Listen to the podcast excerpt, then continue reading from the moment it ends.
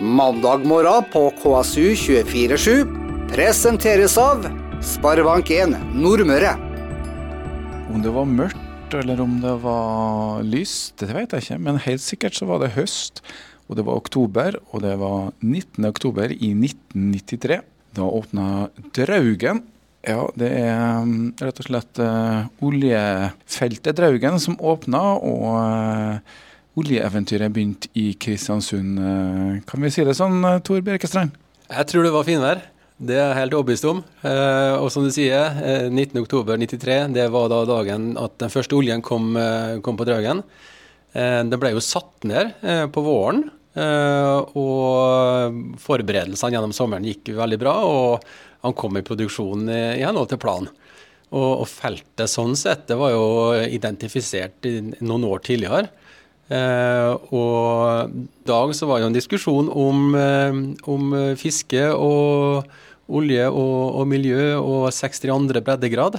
Uh, det var det første feltet som kom nord for 62. breddegrad og åpna opp Haltenbanken som område åpninga av Draugen, da var det på en måte styringa av en plattform fra Kristiansund uh, som var historisk? Ja, helt klart. Og det var jo bestemt at, uh, at driften av Draugen den skulle foregå fra Kristiansund. Uh, både i forhold til folk i støtteorganisasjon, og, altså masse ingeniører, undergrunnsressurser. og da Vestbase som, som forsyning til, til Draugen og til Haltenbanken. Nå er jo Vestbase eh, levert en del forut for oppstarten av Draugen, med boring og, og, den type ting. Men når Draugen åpna, så var det da det første bygget på Vestbase som hadde da å serve en, en plattform i drift. Så det var, det var starten på et eventyr på Vestbase òg. Ja, oljeutviklinga eller eh, starta gjerne egentlig 20 år før i Kristiansund, men det, det, er så lang tid det tar. Det er lange linjer når man holder på med en uh, oljeboring og oljeutvinning. Uh, vi sitter nå 30 år etterpå. Det var ikke alle som trodde at uh, dere skulle. Nei, og det kjennetegner litt norsk sokkel at vi fant en del store felt og, og bygde dem ut. Og etter hvert som feltene ble modne, så så han at her har vi en infrastruktur. Her har vi rørledninger, her har vi eh, lasteskip som går. Her har vi en hel industri som, eh, som, eh, kan utnytte feltene på en bedre måte. Og da har de fleste feltene fått et, et lengre liv. Og det, det har jo AS Norge tjent godt på. Hvor mange år var man egentlig så for seg at man skulle ha Draugen, da? Ja, Det offisielle tallet var, vel det 2012, og så ble det 24, og så ble det 35. Eh, man har jo hele tida sett at det er ressurser i, i, i, bakken på Draugen. Det er et stort felt. Det er et felt som jeg må si er relativt lett å, å utvinne fra. Det er som en stor sandkasse som, eh, som vi da vasker. Eh, med vanninjeksjon og olje- og gassbrønner. Sånn som det opprinnelig ble designa. Så det fortsetter vi med. Du er jo da senior vice president operation. Vi snakker jo en uh, virkelig anglofisert uh, kultur her. Men på godt norsk leder drift. Uh, hvor lenge har du vært med på dette, her, Tor? Ja, jeg kom til Draugen da og ble ansatt i Skjell i 2001. Og starta min første dag på Draugen som plattformsjef torsdag 12.12.2002. Og for oss som ikke har vært ute på der, hvordan ser det ut utpå her? Ja, det, er jo, det, er jo, en fabrikk. Det er jo et, eh, et, eh, et, et stort prosessanlegg. slik at hvis du hadde hatt det på land, så kan du sammenligne med et landanlegg hvis du tar Nyhamna, det er jo et rent gassanlegg. da. Så da vil det ta et veldig stort område, for du vil skille da, de ulike boksene fra hverandre. Men på Draugen den er ca. like stor som en fotballmåne. I da ulike dekk, slik at du har en fire-fem dekk hvor det alt er stabla inn sammen og er ganske så, så tett oppå hverandre. Men Draugen er også et sted hvor folk bor. Så det er et eget hotell, et eget samfunn. Eh, og helikopter er jo den veien du kommer deg ut, og du kommer deg hjem igjen. Eh, så det er et eget samfunn eh, ute i, ute i havet der. Men Er det en plattform eller er det en båt? Jeg er ikke helt sikker ennå. Draugen er jo den eneste på Haltenbanken som står ordentlig i bakken. Og det er jo da den eneste betongplattformen som står på ett bein. Og så har den da eh, oljelagerceller i bånn som eh, har sugd seg fast i, eh, i havbunnen med et vanndyp på ca. 270 meter og over vann. Det vi ser, da, det er jo en 30 meter med betongskaft, og da den store eh, Draugen topsiden på toppen. Med boligkvarter og prosessanlegg og flammebom og krane og alt som skal til for å få det, få det til å fungere. Så det er altså en plattform. Eh, går det an å komme seg ned i den foten her, da? Noen plattformer som har flere skaft, eh, så har de tørre skaft og våte skaft. Eh, noen er vannfylt, og noen er, kan du gå ned i. På Draugen så er det vann. Og det er vann like høyt som vann på utsida. Eh, så der kan vi bare gå ned 30 meter, og da, da er du på, på vannivå. Så her har man da utvida Og man har vel egentlig oppgradert Draugen litt òg. Det var vel en, skulle du si, en overhaling, går det an å si det? Opprinnelig design på Draugen er veldig bra. Det var eh, dyktige ingeniører og godt håndverk. Eh, så mye av utstyret som, som, er der i dag, det har stått der hele veien. En fantastisk innretning. Og så gjør vi modifikasjoner hele veien. Vi har bygd ut flere brønner og trenger mer prosessanlegg, så det er lagt til noen eh, tanker og noen noe rør ute offshore. Ganske mye, faktisk. Og Opprinnelig design var vel at Draugen skulle produsere 90 000 fat. Men han skjønte nå raskt, og kanskje også tidligere, at eh, her var det muligheter for å, for å gjøre mer. Et veldig veldig godt design i, i utgangspunktet som det har vært greit å bygge videre på. Eh, vi har lagt til et ekstra boligkvarter eh, for å få mer kapasitet. I gamle dager vet du, så bodde de to, og tre og fire sammen på lugaren. Det er jo ikke sånn vi jobber lenger. Ehm, så da har vi enkeltlugarer og, og plass til en, eh, en 120-30 stykker ute i, i normal drift. Det er jo en uh, stor gjeng, da. Eh, enkeltrom, det høres jo veldig bra ut. Men du driver jo da med stort sett olje, det er ikke gass ute på Drahaugen? Det er ingen reservoar som har bare olje, kan en si veldig enkelt. Eh, når du borer og finner eh, hydrokarboner, så kommer det både gass og olje. Gassen ligger på toppen, så har du oljen og så har du vann i bånn. Men hovedsakelig på Draugen så er det et, et, oljefelt.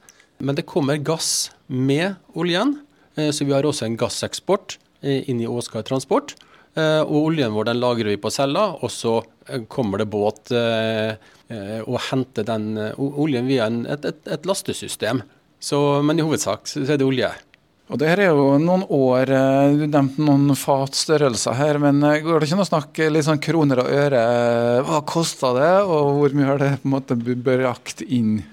Ja, eh, nå har jeg faktisk ikke tallene på hva, hva Draugen kosta i sin tid. og mm, Du kan ta totalproduksjon, eller maksproduksjonen var oppe i 220 000 fat. Nå har jo oljeprisen og kronekursen variert eh, voldsomt over de årene her, eh, så jeg vet ikke akkurat beløpet, men det er ganske mange milliarder som har eh, gått inn til den norske staten fra Draugen. Og selvfølgelig alle de som har jobba i, både ja, Midt-Norge hovedsakelig mot, mot Draugen. Både folk som har vært direkte ansatt opp mot Draugen, men også den fantastiske leverandørindustrien vi har her. Så helt klart at å, å måle effekten av Draugen fra 93 til i dag, det, det blir en, lang, eh, en, en lang, eh, lang, avhandling, men det er en god avhandling. Det er jo eh, økonomi som ligger i for at vi driver med oljeutvinning. Vi skal snart uh, høre litt om dem som driver nå, som er jo OK, hvor Tor Bjerkestrand jobber. Men først nå skal vi ta en liten uh, pause. Lyden av Nordmøre. KSU 247. Draugen 1993, 19. oktober, altså 30 år siden. Da var det Draugen i gang. og I den anledning så er vi her på rett og slett Råket hos Okea og Tor Bjerkestrand, som er leder for drift i Okea. Du fortalte meg i sted at du begynte å jobbe med Draugen eh, i Skjell. Etter hvert så ble det nå da Okea. Kan ikke fortelle litt rundt denne eh, prosessen og overgangen? For å ta den på det store bildet, Norsk eh, sokkel var jo dominert av store internasjonale selskap i starten, og det var helt nødvendig. Og både Mobil og Shell og Exxon og så, så den utviklinga krevde store selskap. Når, når da felt kommer i en, i en, fase hvor det er en haleproduksjon, altså midt til seinfase, eh, så, så, har egentlig de store selskapene litt andre strategier og, og, andre muligheter. og De jobber jo, jo globalt. Så da er det naturlig at, at, du får en annen type eierstruktur på, på sokkelen. Og der uh, har Okea tatt sin rolle, da, med at uh, vår strategi er, å drifte uh, midt til seinfasefelt på, på norsk sokkel. Og i 2018 da, så fikk Okea muligheten, når da han tok over eierandeler i, og ble operatør på, på Draugen og fikk eierandeler i Gjøa, som er et gassfelt lenger sør. Eh, så 1.12.2018 eh, da eh, ble Draugen overført til Okea, Okea som operatør. Etter overgang fra Shell til Okea, så var man jo veldig spent på hvilken rolle på en måte det som var på Råke og drifta her skulle spille. Nå viser det seg i ettertid at det har jo fortsatt spiller en rolle, en viktig rolle. Eller kan ikke fortelle oss litt, hva gjør dere egentlig her på Råke i forhold til det som er Okeas virksomhet? På Råke så, så, har vi jo en, en sammensetning av, av, både kompetanse og, og, og, ressurser som da gjør at vi kan være et operatørselskap. Det å være en operatør det, det, krever ressurser innenfor alle disipliner. Det er kjemikere, det er prosessingeniører, det er elektro, det er instrument. det er Personal, finans, altså det, det, er en, en, stor gruppe av mennesker, vi er ca. som jeg sa, 70 stykker her. Uh, og Det ble jo basen for, uh, for Okea uh, i starten, men vi hadde bare Draugen, for å være et operatørselskap. Så når myndighetene ser på oss og spør ok, er Okea en, en operatør som, som, møter forpliktelsene sine i regelverket, så får vi da tilbakemelding ja, det er vi. Og det det var jo starten. Med Brage nå eh, så har vi jo fått et bergenskontor med litt tilsvarende sammensetning av folk og, på, og kompetanse og kapasitet. Eh, og synergien da mellom Bergen og Kristiansund den er helt åpenbar. Hvor vi da støtter hverandre og, og, og bytter ressurser når, når, det er nødvendig. Um, og klart at Hvis du tar Kristiansundskontoret, så har vi økt i antall siden, siden desember 18. Eh, og er en solid base i, eh, i det som er operatørselskapet Okea. Okea er jo et uh, delvis i hvert fall norskeid selskap som har vokst siden oppstarten. Det er jo ikke bare Draugen Okea holder på med? det? Nei, vi driver både med det vi kaller opererte felt, altså det som vi har et operatøransvar. Og så har vi andeler i andre felt da, det er partneroperert. Og i fjor så tok vi over operatørskapet på Brage fra Wintershall. Eh, så nå har vi to eh, operatørskap med Draugen og, og, Brage. Og når du tar over et operatørskap, så tar du også over en organisasjon, og du tar over en, en, en, eh, ja, relativt mange folk og system og, og, utstyr. Når det er partneroperert, så, så får du en eierandel, og så sitter du da og har et påseansvar. Og da hjelper den operatøren, om det er Neptun eller FLX eller andre, så, skal vi være en som støtter og hjelper og er med på å utvikle feltet. Men Brage driftes jo ikke herifra? Nei, Brage det driftes fra, fra Bergen. Så da når vi tok over eh, Brage, så fikk vi en organisasjon i Bergen. Ca. 50-60 stykker. Og da hele gjengen som er ute offshore på Brage. Og du er ansvar for begge, er du? Ja, jeg har ansvaret for eh, både det som opererte felt med Draugen og Brage, og våre partneropererte felt. Men du kan tenke deg litt sånn lokalt. da, Okea er jo en del av eh, ja, oljeindustrien eh, i Kristiansund og på Nordmøre. Kan du fortelle oss litt om, om den plassen Okea har der, og kanskje også litt om resten av industrien her?